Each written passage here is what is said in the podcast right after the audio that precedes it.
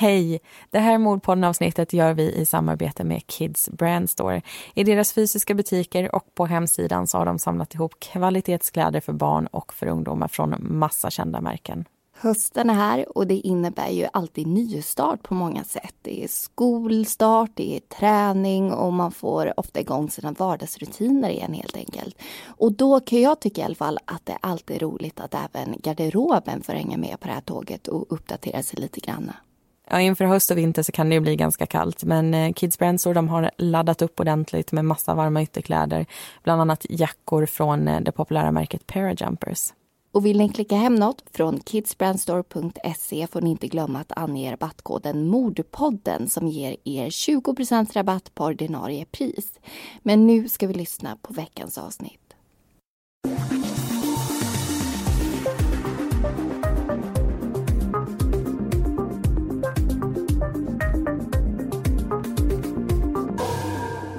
I december 2012 får polisen in ett larm om att det är bråk i en lägenhet. En kniv är på något sätt inblandad men det är först när de kommer dit som de förstår hur allvarlig situationen faktiskt är. På platsen möts de av en kvinna som skriker att de måste skynda sig till den tredje våningen. Polisen rusar upp för trapporna som blir allt blodigare ju närmare de kommer den aktuella lägenheten. Dörren står öppen. Innanför hittar de fyra knivskurna personer. En av dem är gärningspersonen själv och en annan miste livet på sjukhuset en stund senare. Det skulle visa sig handla om ett hedersmord.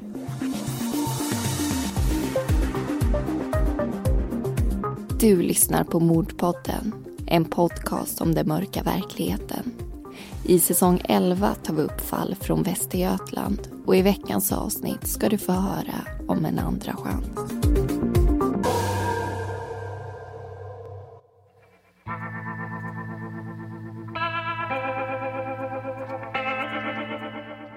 Alla människor gör misstag. Vi måste helt enkelt göra fel ibland för att lära oss att göra rätt. Men det är skillnad på misstag och misstag. Vissa felsteg är oförlåtliga och för grova för att kunna rättas till. Samtidigt kan alla människor förändra sig, bli bättre, ändra på både inställning och värderingar och på det sättet bli en bättre medmänniska. Och för att kunna göra det behöver man ibland få en andra chans. En möjlighet att lägga misstagen bakom sig och göra rätt för sig i framtiden.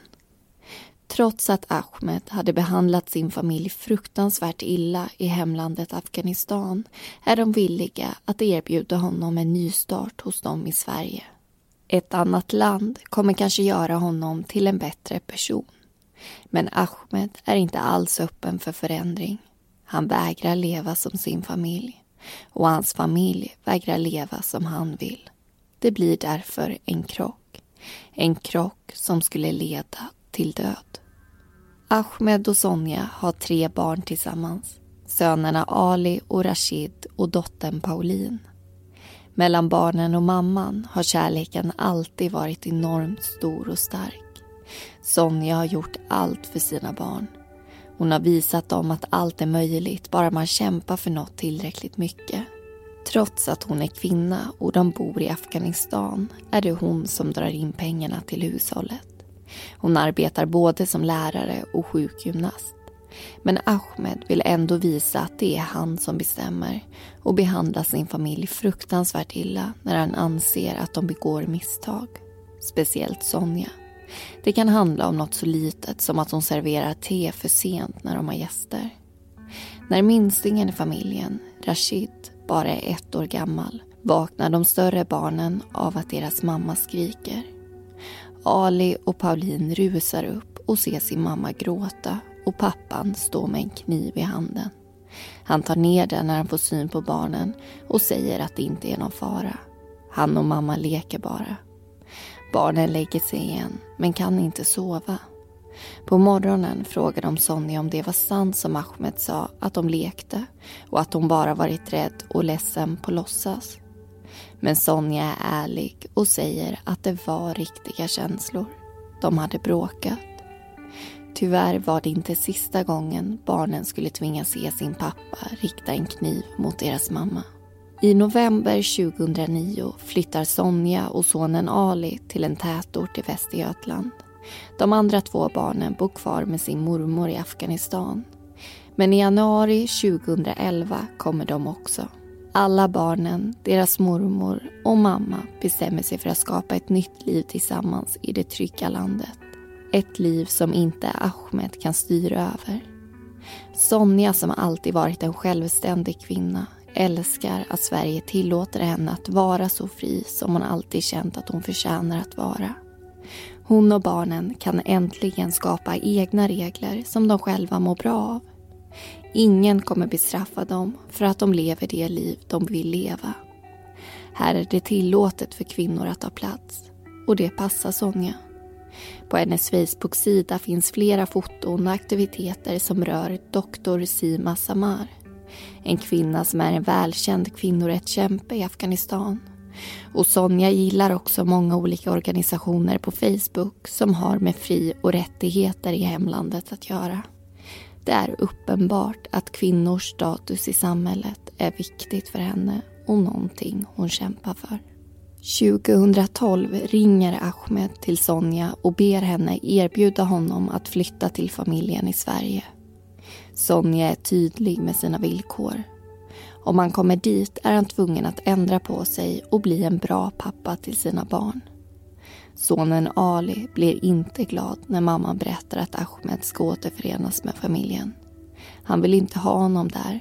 Sonja förklarar att hon inte tror att det kommer bli likadant som när de bodde i Afghanistan. Tvärtom tror hon att det vore bra för Ahmed att få komma till ett bra land som får lära sig hur man lever på ett bra sätt och behandlar sina medmänniskor väl.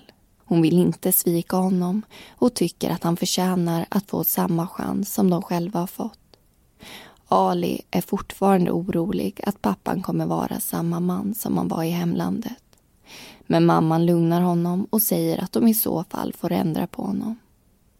I september 2012 flyttar Ahmed in hos övriga familjen i Sverige.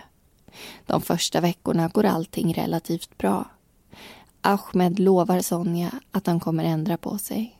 Men efter bara några veckor börjar bråken. Sonja och barnen fortsätter göra sina vardagsrutiner som vanligt. Men det är mycket som Ahmed inte accepterar med deras livsstil och ifrågasätter deras nya tillvaro. Han är kritisk till det mesta.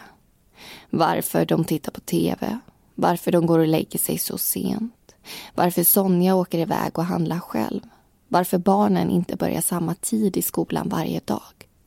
Barnen förklarar att deras scheman ser ut så. Vissa dagar börjar de vid nio, andra tio. Men Ahmed tror inte på dem. I Afghanistan började de alltid klockan åtta. Barnen försöker få honom att förstå att det är annorlunda i Sverige. Men Ahmed misstänker att de försöker lura honom och medvetet kommer för sent till skolan. Han tycker att de överlag borde leva samma liv som de gjorde i Afghanistan. När Sonja gör ärenden på stan utan honom blir han genast misstänksam och frågar om hon går bakom ryggen på honom och träffar någon annan. Sonja försäkrar honom om att så inte är fallet. Hade hon blivit kär i någon annan hade hon aldrig erbjudit honom att flytta dit. Varningsflaggorna hos barnen hissas på en gång. Men Sonja säger åt dem att inte vara för hårda mot Ahmed.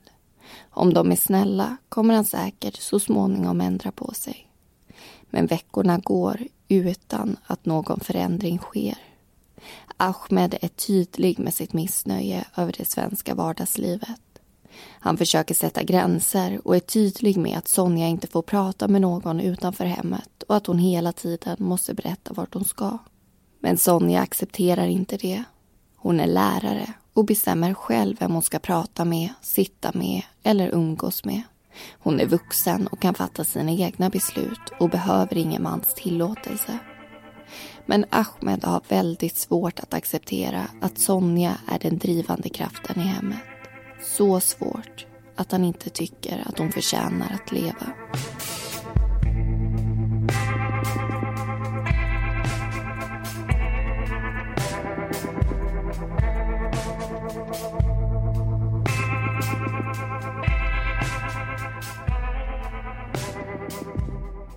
Mm, då har vi alltså hört lite bakgrund till Sonja och hennes familjs historia. Vart de kommer ifrån, hur deras liv såg ut åren innan den här händelsen och vad det är som leder upp till den. Eh, och det är någonting vi ska gå in på och prata mer om snart i detalj.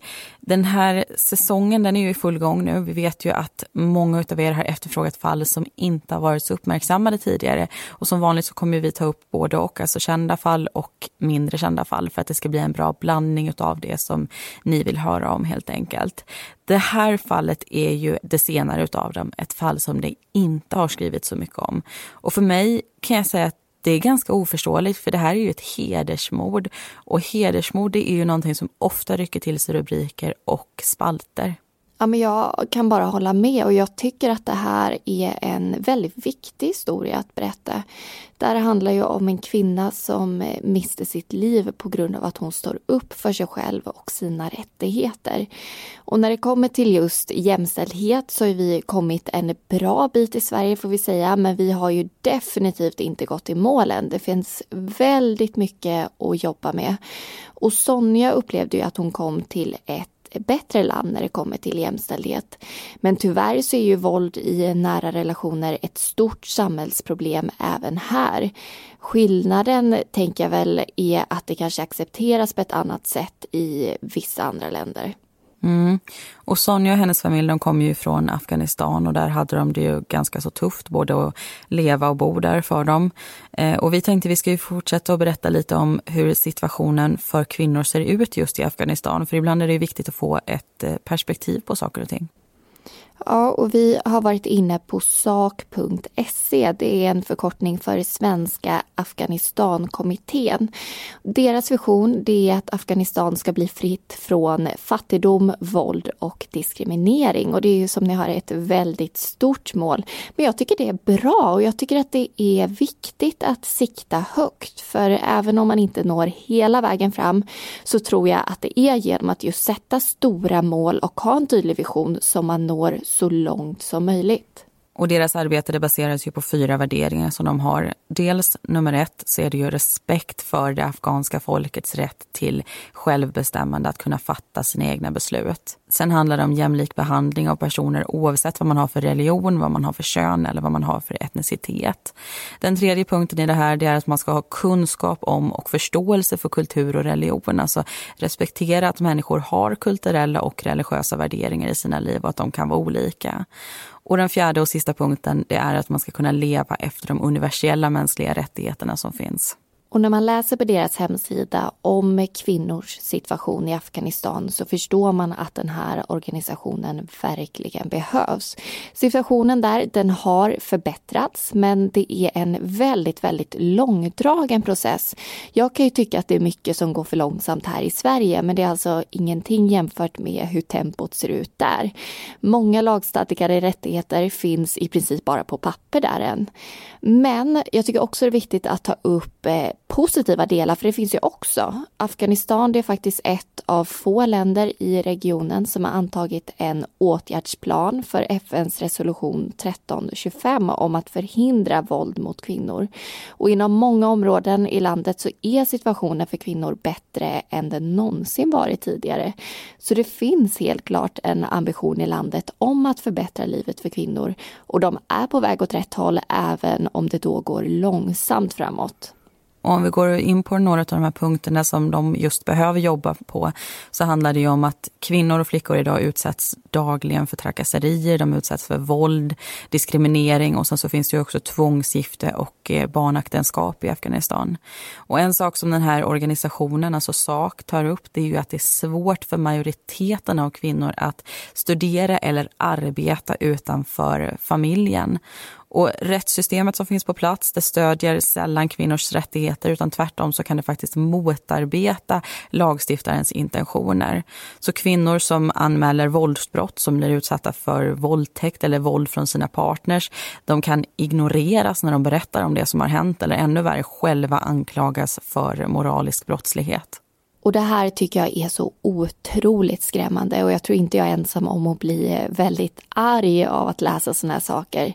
I Sverige vet vi ju att det tyvärr är väldigt många våldtäktsutredningar framförallt som läggs ner. Och bara det är ju fruktansvärt att människor kan begå sådana hemska handlingar som förstör en persons liv och sen inte straffas för det. Men det här tar det ju till en sån nivå att det inte går att begripa hur tankarna går. Inte nog med att mannen går fri, kvinnan ska dessutom anklagas för att vara gärningspersonen i det hela. Alltså jag måste säga att jag tycker det är skitsnack. Den enda som är ansvarig för en våldtäkt eller en misshandel det är personen som slår, det är personen som våldtar. Att lägga skulden på ett offer, det är så himla fult. Alltså när man har blivit utsatt så är det så lätt att själv hamna i såna här tankar. Att man mår så oerhört dåligt och man försöker få rätsida på någonting som är helt och hållet ofattbart. Men den svenska Afghanistankommittén arbetar ju hårt för att kvinnor ska slippa den här typen av behandling och för att de ska få det bättre på flera fronter. Bland annat så driver de ju tre skolor för barnmorskor och två för sjuksköterskor. Och det är ju för att man vill minska dödligheten för barn och för mammor i och med förlossning. Och det är också någonting som faktiskt är väldigt lätt att ta för given, alltså vår förlossningsvård här i Sverige. För tänk vad mycket kontroller vi går på, vad mycket information vi får och vad mycket personal det finns överallt i Sverige. Du har rätt till den här hjälpen oavsett var du bor. Och jag vet ju själv hur nervös jag var inför min förlossning, för det är ju såklart en stor grej kroppen går igenom som man inte vet hur man kommer att hantera. Men de här orostankarna som jag hade, det handlar det aldrig om mitt eller mitt barns liv. För jag vet att jag befinner mig på en plats där det finns både utrustning och människor med kunskap som vet vad de ska göra om någonting skulle gå fel. Och risken för att något går fel är ju liten tack vare alla de här kontrollerna som man gjort innan. Men tänk då att gå och vänta på en förlossning och inte ha den här tryggheten. Jag kan inte ens föreställa mig den oron och hur det måste kännas. Nej, och SAK gör ju som sagt oerhört mycket bra saker. Vi har pratat mycket om dem i den här diskussionen. Eh, och vi har bara tagit upp några av de sakerna de gör. För ni kan ju läsa mer om hur de arbetar och så vidare på sak.se. Och det går självklart också att engagera sig i den här organisationen, att hjälpa dem i deras arbete och också stödja dem ekonomiskt. Och nu låter det här nästan som ett samarbete kanske, men det är det såklart inte, utan vi tycker att den här organisationen är oerhört relevant att prata om med tanke på den här händelsen vi berättar om i det här avsnittet.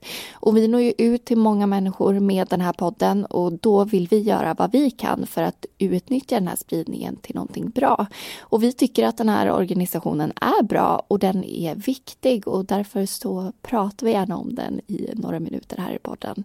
Och så vill vi också vara tydliga med här och nu att den här kvinnosynen och inställningen som Ahmed hade som faktiskt ledde fram till Sonjas död, det är ju hans personliga.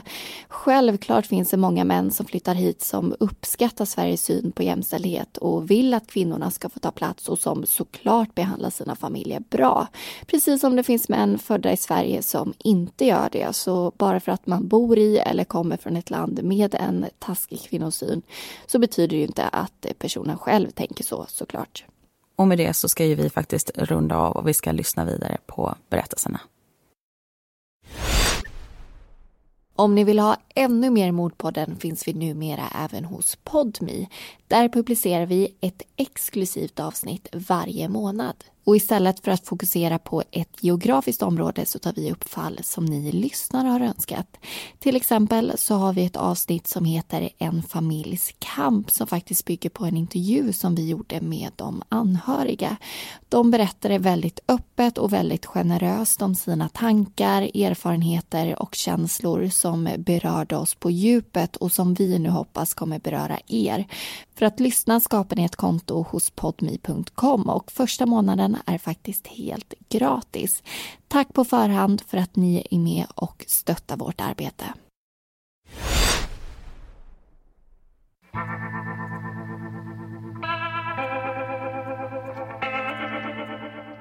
Det är den 9 oktober 2012. Det är inte vilken dag som helst utan Paulins födelsedag. Hon fyller 17 år. Och självklart ska det firas. Sonja har köpt en födelsedagstårta som familjen ska mumsa i sig i vardagsrummet för att glädjas åt den stora dagen. Ahmed har inte ens varit i Sverige en månad men inte ens den här dagen kan han låta bli att starta bråk.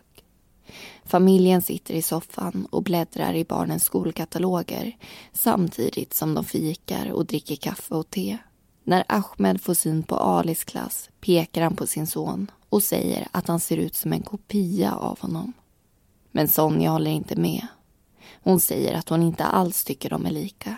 Då finns det andra i släkten som Ali har ärvt fler drag ifrån. Men det vägrar Ahmed acceptera och brusar genast upp. Nej, han är min son. Du får inte säga så, säger han. Ja, men då frågar vi Ali själv då, vem han tycker han är lik, svarar Sonja. Ali undviker diskussionen och säger något i stil med att han liknar sig själv. Det gör Ahmed ännu argare och han anklagar Sonja för att försöka vända barnen emot honom. Men Sonja ger svar på tal och säger att hon inte hade bjudit hit honom till Sverige om hon inte ville att han skulle få umgås och vara med sina barn. Hon menar att det är hans eget beteende som får barnen att glida ifrån honom mer och mer. Han har helt enkelt bara sig själv att skylla. Ahmed tappar besinningen och kallar Sonja för både det ena och det andra och hon säger fula saker tillbaka som bara gör honom ännu argare. Pauline vädjar till sin pappa. Snälla pappa, det är min födelsedag. Men föräldrarna fortsätter bråka och till slut säger Sonja att Ahmed borde gå därifrån om han inte gillar livet i Sverige. Hon och barnen har flyttat hit för att få leva ett bra liv. De har för länge sedan lämnat Afghanistan bakom sig. Att bråka på det här viset var kanske vardagsmat där men här försöker de istället leva och njuta av livet. Ali håller med sin mamma och säger också åt sin pappa att lämna lägenheten. De vill inte ha honom där. Då rusar Ahmed upp ur soffan och in i köket. Där hämtar han kniven som de tidigare hade skurit Paulins födelsedagstårta med. Dottern springer fram och lyckas ta kniven ifrån honom. När hon gör det råkar hon bli skuren i fingret. Äntligen blir Ahmed lugn. Men han säger till Sonja att han kanske en dag kommer döda dem om de inte lyssnar på honom. Barnen vill inte tro på hans ord. Han kan väl inte göra så mot sin egen familj och sina barn. De vill ringa polisen, men Ahmed vädjar och ber dem att låta bli. Plötsligt ändrar han sig och säger att han aldrig kommer göra så igen. Det var sista gången. Ali tycker inte att de ska lyssna på honom. Ahmed måste ut från deras hem. Nu. Men Sonja ber barnen lugna sig och tycker att de ska ge honom en sista chans. Men hon är tydlig med att det är just en sista chans. Hon kommer ringa polisen om någonting liknande händer igen. Det är inte de som ska ändra på sig. Det är han. Efter incidenten gömmer barnens mormor undan alla knivar i köket. Ahmed menar att det här aldrig har hänt. Han har aldrig hotat att döda sin familj och han har heller inte tagit fram någon kniv. Men barnen ger samma berättelse och de var ju faktiskt där när det hände. De har både sett och hört samma sak så det finns ingen anledning att tvivla på det de säger. Ahmed hade nu fått flera chanser från sin familj att anpassa sig. Chanser som han inte tagit vara på. Och precis två månader efter Paulins födelsedag skulle det visa sig att han fortfarande levde i det förgångna. Och den här gången skulle hans chanser ta slut. Det är den 9 december 2012. En vän till familjen ringer och frågar om de vill följa med till Göteborg och hälsa på deras son som är nyopererad på sjukhuset. Sonja, som tar samtalet, säger att hon tyvärr inte kan följa med men att Ahmed och hennes mamma kan komma och att hon själv åker dagen därpå. När hon lägger på frågar Ahmed varför hon inte skulle åka tillsammans med dem. Sonja förklarar att hon har mycket att förbereda inför skolan men den ursäkten accepteras inte. Ahmed befaller henne att följa med. Men Sonja säger bestämt att hon får göra som hon själv vill. Det blir starten på ett stort bråk som mer eller mindre håller i sig hela dagen. På eftermiddagen går Sonja till köket för att sätta igång med middagen. Minstingen Rashid, som hunnit fylla 11 år, är på fotbollsträning. Övriga familjen, inklusive barnens mormor, är hemma. Ali sitter på sitt rum och kollar på en fotbollsmatch på tv. Han hör att föräldrarna bråkar och att hans mamma är ledsen och arg. Du kan inte komma hit och säga sånt till mig, skriker hon. Ali undrar vad hans pappa har gjort den här gången och går ut i köket för att kolla vad som står på. Sonja är så arg att hon först inte kan prata. Men säger sen att Ahmed börjat prata strunt. Då rycker pappan själv in och vill förklara sig. Han säger att han inte har gjort någonting alls utan att allt är Sonjas fel. Ali säger åt sin pappa att han måste sluta fråga ut dem om minsta lilla och går sen tillbaka in till sig för att fortsätta titta på matchen. Pauline sitter på sitt rum och läser läxor.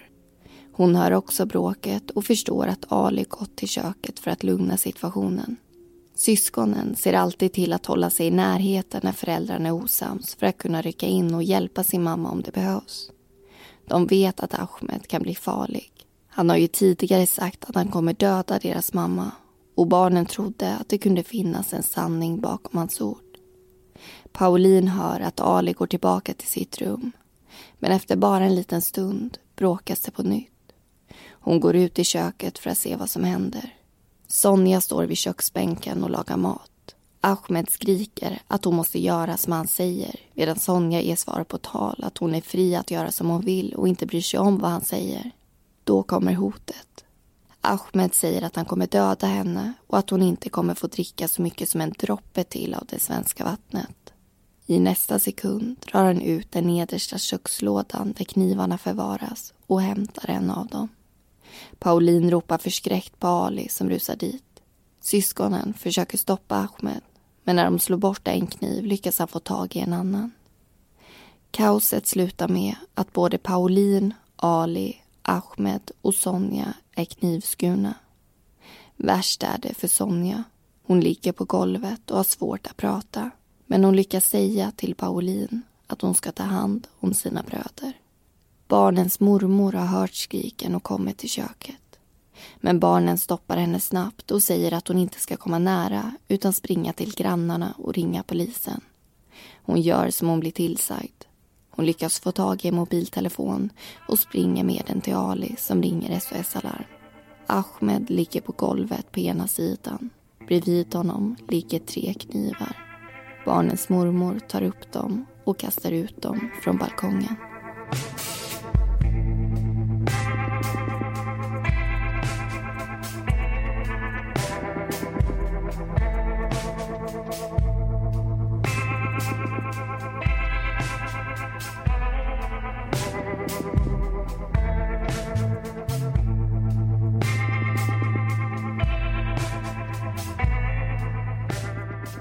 Har vi precis fått höra hur det här mordet gick till berättat från barnens perspektiv. Men det finns ju också en annan version och det är Ahmeds. Eh, jag tänkte att vi ska ägna den här diskussionen åt att eh, berätta vad det var som han sa och berättade för polisen. Och till en början så är ju han och barnen överens. Ahmed och Sonja hade bråkat om de skulle gå på ett sjukhusbesök tillsammans eller inte. Men där slutar också likheterna för sen säger Ahmed så här. Han och Sonja de hade gapat åt varandra ett tag gällande det här med sjukhuset och han var i vardagsrummet och hon i köket. Och sen kände han att det fick vara nog så då gick han in till köket för att säga att det var okej att hon gjorde som hon ville. Och det känns lite märkligt måste jag säga, för när man läser domen och förundersökningsprotokollet så handlar nästan alltid deras språk om att Ahmed inte tyckte om att Sonja och barnen gjorde som de ville. Han ville ha makten i familjen och bestämma. Så min bild av honom utifrån det som kommer fram i de här offentliga handlingarna, det är inte att han skulle ge med sig och ge Sonja rätt. Nej, för han menar ju att han inte längre var arg utan han försökte gå in där och lugna henne och råda bot på den här situationen. Det är så han berättade. Han bad ju att hon inte skulle prata illa om honom inför barnen. Han ville bli sams igen, men det funkade ju inte så de fortsatte att bråka och de triggade varandra till att bli arga ännu en gång. Och Sonja hon stod och lagade mat och hon hade en kniv i handen. När Ahmed gick emot henne så gav hon honom en örfil. Och när han frågade henne varför hon slog honom så menar Ahmed att Sonja anföll honom med kniven som hon då höll i handen. Och han kunde då inte behärska sig utan fick panik. Och när han försökte ta kniven ifrån henne så träffade den hennes axel. Men sen menar han att allt bara blev svart. Så han minns inte om han fick tag i kniven och han kan heller inte förklara hur det gick till när han och Sonja fick sina skador. Men att han ska ha huggit sig själv som barnen säger, det menar han inte stämmer. Som ni märker så finns det ju ganska avgörande skillnader alltså mellan Ahmed och barnens berättelser. Barnen säger att han attackerade dem allihop utan förvarning medan Ahmed själv anser att han då handlade i självförsvar och att det var Sonja som gav sig på honom. Och att det också aldrig var meningen att han skulle skada någon av dem. Och det är alltså upp till tingsrätten att avgöra vem det är som talar sanning och hur de tänker i den frågan. Det ska vi få höra i den sista berättelsen. Och åklagare menar, som vi har varit inne på, att motivet hade med heder att göra. Att Ahmed hade varit familjens överhuvud i Afghanistan men att frun då fått skinn på näsan i Sverige och att det var därför han mördade henne. 2016 så hade 10% av de mord som begicks i Sverige hedersanknytning. Den statistiken togs upp i radioprogrammet I lagens namn som sändes i P1 och Sara Mohammed från föreningen Glöm aldrig Pela och Fadime berättade där att det dock finns ett väldigt stort mörkerantal så att det förmodligen sker mycket mer än så. Och som ni märker så är det här ganska gammal statistik och det beror på att hedersvåld inte kartläggs i den utsträckningen som den kanske borde göra. Men vi ska inte snöa in mer på det utan nu ska vi lyssna vidare på den sista berättelsen.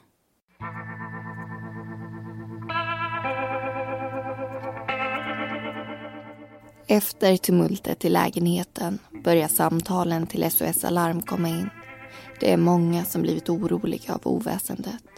Och barnens mormor har dessutom blodig sprungit runt i trapphuset för att få hjälp av någon. SOS Alarm var inträffat. Hej, du måste skynda dig. De håller på med knivar och grejer i lägenheten bredvid. Det är en av grannarna som ringer. Operatören meddelar att polisen skickas dit på en gång. Grannen är upprörd och stressad. Ja, skynda dig för de håller på. De bara knackar på och jag hörde bara det är blod och så kom de ut och det är blod över hela och de knackade så... Ja, vänta, vänta, vänta. Avbryter larmoperatören. De kommer. Ytterligare en granne ringer och säger att han hört massa liv nerifrån och att en av dem som bor under honom kom upp och bankade på dörren helt upp i varv och med blod på sig. Polismannen Christer sitter inne på stationen när larmet kommer om att det är bråk i en lägenhet och att någon ligger blodig på golvet. Först ska bara en polisbil åka till platsen. Men Christer och hans kollega tänker att det är lika bra att de hänger med från början. Väl på plats möts poliserna av en person som vinkar vid entrén och skriker att de ska till den tredje våningen. De rusar upp för trapporna som blir allt blodigare ju närmare de kommer den aktuella lägenheten. Dörren är öppen. När de kommer in är det blod precis överallt och doften är överväldigande. Barnens mormor är förtvivlad och står först i köket och tittar på traumat som utspelar sig framför henne. Men blir skarpt tillsagd av en polis att sätta sig och blir nästintill nerknuffad på en stol. Balkongdörren är öppen och det är blodiga nakna fotspår i snön på balkongen. Ali skriker att det är hans pappa som ligger i köket som har knivskurit familjen. En ambulans anländer härnäst. De försöker snabbt skapa sig en överblick men får hjälp av poliserna som säger att mamman i familjen bör prioriteras först. Hon är mest skadad. Ambulanspersonalen sätter dropp på Sonja och bär henne ner för trappan. Hon skulle senare under kvällen dödförklaras på sjukhuset. Snart har alla familjemedlemmar transporterats till sjukhus för vård av sina skador. Kvar i lägenheten är poliserna. Nyss var det fullständigt kaos i bostaden. Nu skulle man kunna höra en knappnål falla. Tystnaden är total. Hela hallen är full med blod, silikonhandskar, filtar, kanylskydd och kläder.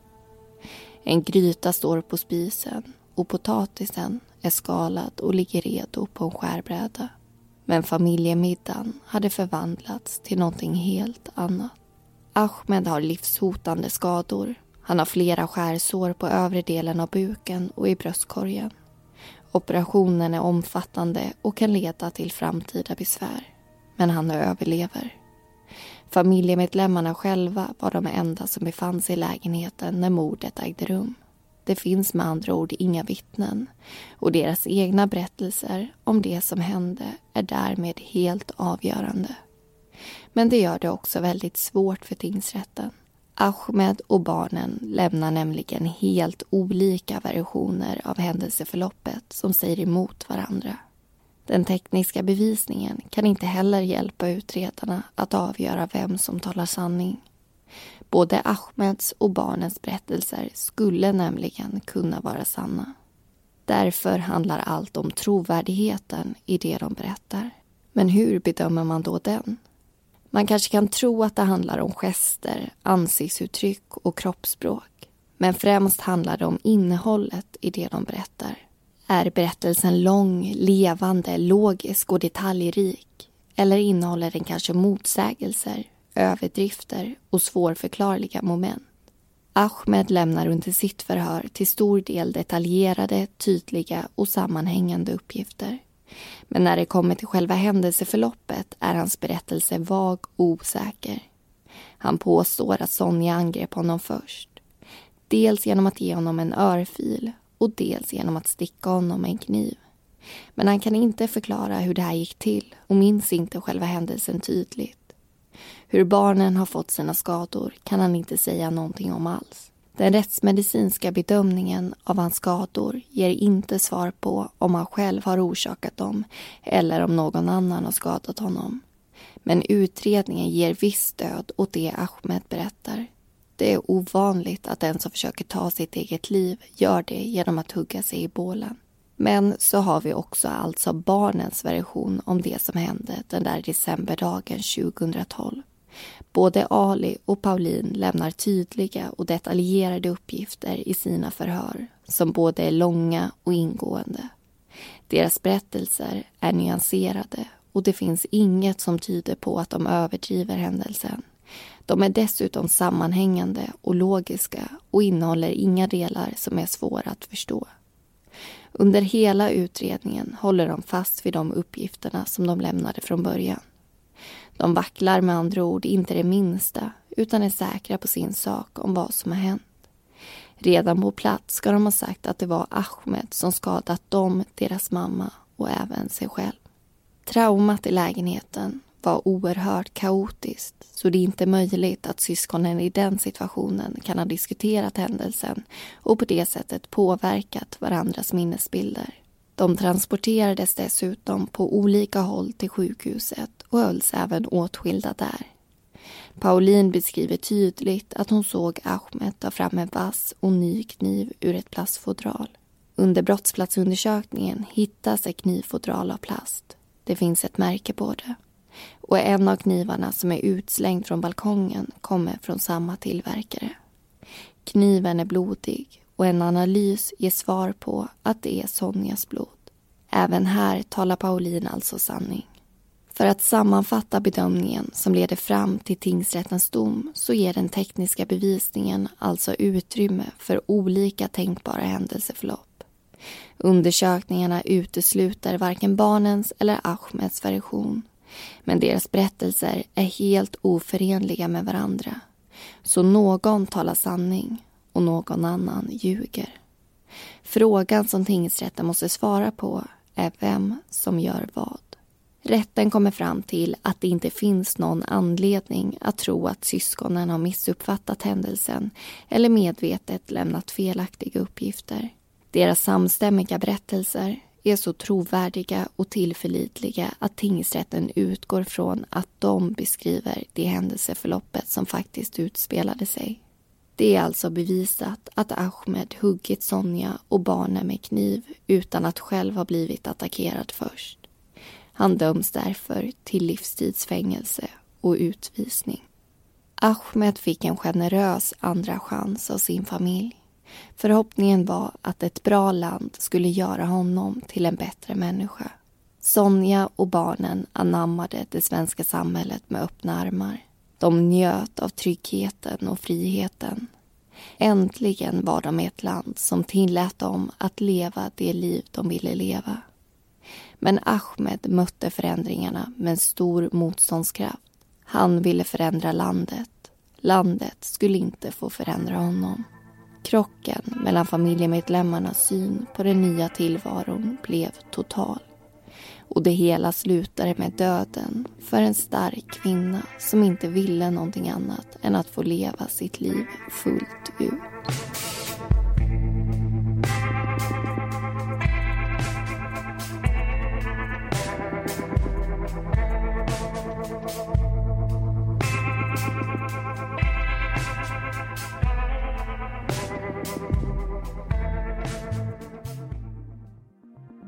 Och det var allting som vi hade att berätta om en andra chans.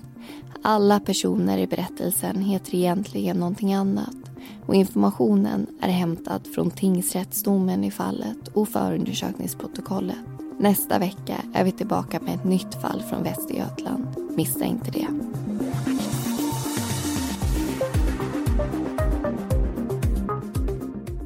Du har lyssnat på Mordpodden. Vi som har producerat den heter Amanda Karlsson och Linnea Bolin.